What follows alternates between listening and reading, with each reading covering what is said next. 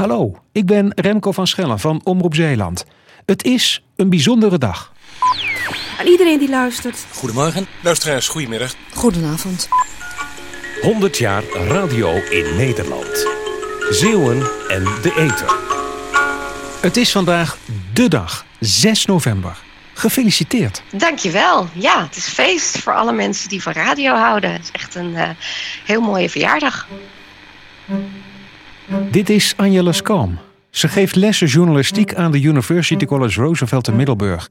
En schreef mee aan een nieuw boek over radio. Anja, wat gebeurde er 100 jaar geleden? 6 november 1919 uh, was de eerste echte radio-uitzending in Nederland. Dat is dus een, een programma dat vooraf aangekondigd werd uh, in de krant. En het zou dan een muzikale avond zijn.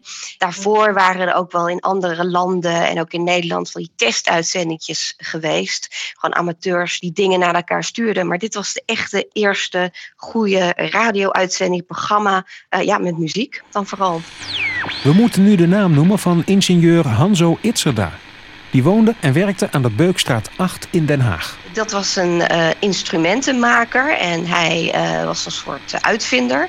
Hij bouwde radiozenders en hij wilde zijn producten verkopen aan andere radioamateurs. En hij had heel veel uh, platen, LP's.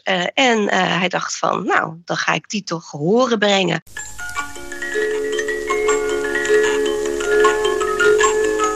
Op 6 november 1919. Een muzikale avond, een soirée muzikaal. Met een speeldoosje als herkenningsmelodie.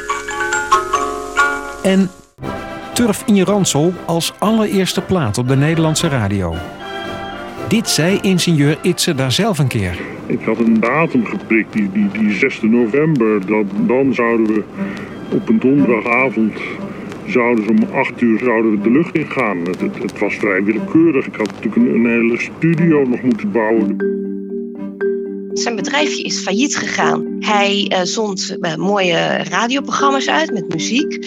Maar dat was heel erg kostbaar. En er waren wel mensen die dan uh, wat geld naar hem stuurden. Er was nog een tijdje dat de Engelse krant, de Daily Mail, ook zijn programma sponsorde.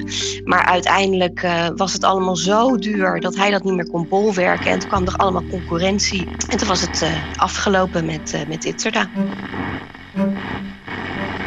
Arme Itzerda. Maar ook bedankt Itzerda voor de omroep, voor de radio. Vandaag verschijnt het boek De Radio, een cultuurgeschiedenis van mediadeskundige Huub Wijfjes. En met bijdrage van veel mensen. Angela Skomp, wat heb jij voor dat boek onderzocht? Ik heb me vastgebeten in uh, de geschiedenis van de Nederlandse radiojournalistiek.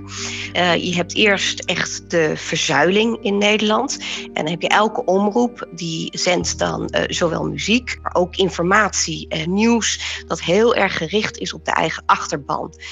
in de eerste 40 jaar is er eigenlijk geen onafhankelijke journalistiek. Ehm, de journalisten zijn helemaal niet kritisch als de regering iets zegt, uh, dan nemen ze dat eigenlijk klakkeloos over. Uh, of als de zuil iets zegt, dan nemen ze dat klakkeloos over. Uh, en vanaf de jaren zestig zie je eigenlijk dat die, die wat meer kritische, onafhankelijke journalistiek naar voren komt. En er komen ook veel meer reportages ook uit het buitenland. Dus er komt ook veel meer nieuws en veel meer informatie. Wat heb je zelf met radio? Ik ben opgegroeid met de radio. Ik, uh, ik ben helemaal gek van radio. Uh, als klein kind al stond bij ons thuis altijd de radio aan. En ik had al als klein kind zo van... Op een dag ga ik eens een keer voor de radio werken. Ik wil heel graag voor de BBC gaan werken als nieuwslezer. En uiteindelijk is dat ook gebeurd. Across Hampshire, Dorset and the Isle of Wight. This is BBC Radio Solent. It's your station. Uh, en, en, nu werk ik niet meer in de radio, maar ik heb hem wel altijd aanstaan. Ik vind het fascinerend hoe radio zo'n band kan scheppen met de luisteraar. Net alsof jij als luisteraar de enige bent die ertoe doet. Bedankt dat je weer luisterde naar Zeeuwen en de Eter. Deel deze podcast vooral. En als jij een radioherinnering hebt, geef hem dan door via zeeuwenendeeter.nl. Tot volgende keer.